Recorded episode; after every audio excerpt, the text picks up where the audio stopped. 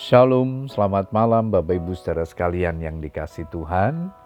Kita bersyukur kepada Tuhan kembali malam hari ini. Kita diberikan kesempatan untuk berdoa kepada Tuhan. Setelah sepanjang hari ini kita menikmati segala kebaikannya di dalam kehidupan kita.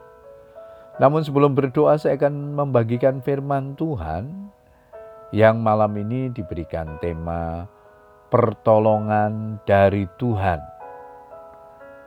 Ayat mas kita di dalam dua tawarih pasal 20 ayat yang ke-30 firman Tuhan berkata demikian. Dan kerajaan Yosafat amanlah karena Allahnya mengaruniakan keamanan kepadanya di segala penjuru. Bapak Ibu saudara sekalian, selain mencari Tuhan dan meminta pertolongan kepadanya, Yosafat juga mengakui kebesaran Tuhan. Tidak mudah tentunya orang mengakui kelemahan dan keterbatasan diri. Terlebih bagi mereka yang memiliki harta, kekayaan, jabatan, atau kedudukan yang tinggi. Orang cenderung bermegah dengan apa yang dimilikinya. Meski menjadi seorang raja, Yusafat tidak membanggakan diri Justru ia mengakui keterbatasan, kekurangan, dan kelemahannya, serta mengakui kebesaran Tuhan.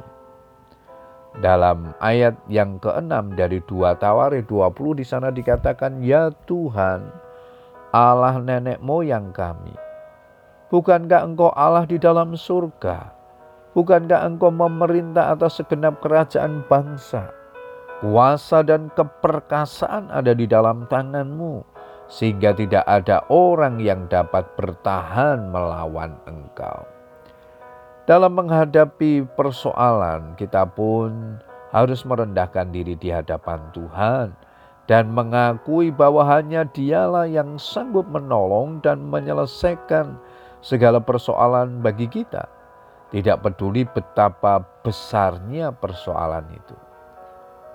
Firman-Nya berkata, dan umatku yang atasnya namaku disebut, merendahkan diri, berdoa dan mencari wajahku, lalu berbalik dari jalan-jalannya yang jahat, maka aku akan mendengar dari surga dan mengampuni dosa mereka serta memulihkan negeri mereka. Dua Tawarikh 7 ayat yang ke-14. Hal berikutnya yang dilakukan oleh Yusafat ketika menghadapi musuh dalam hidupnya adalah berseru sampai Tuhan bertindak. Dikatakan di dalam 2 Tawarikh 20 ayat yang ke-9. Dan kami akan berseru kepadamu di dalam kesesakan kami sampai engkau mendengar dan menyelamatkan kami. Yosafat terus berseru-seru kepada Tuhan dan memohon belas kasihnya dengan mengakui bahwa ia tak berdaya apa-apa untuk menghadapi musuh. Kami tidak tahu apa yang harus kami lakukan, tetapi mata kami tertuju kepadamu.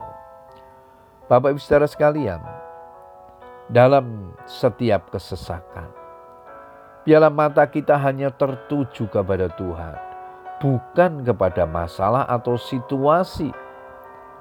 Dan jangan sekali-kali mengandalkan kekuatan sendiri yang membuat kita menjadi tawar hati. Jika engkau tawar hati, maka pada masa kesesakan, kecilah kekuatanmu. Amsal 24 ayat yang ke-10. Berdoalah dengan penuh iman Berserulah hanya kepada Tuhan, karena Dia adalah Tuhan yang Maha Perkasa. Dia adalah panglima perang di dalam kehidupan kita, dan bersama dengan Tuhan kita pasti sanggup menghadapi musuh dan meraih kemenangan yang gilang gemilang. Musuh terpukul kalah bukan karena hebatnya manusia, tetapi karena Tuhan yang campur tangan dan bertindak. Puji Tuhan Bapak Ibu Saudara sekalian, biarlah kebenaran firman Tuhan ini menolong kita untuk terus percaya kepadanya. Selamat berdoa dengan keluarga kita. Tuhan Yesus memberkati. Amin.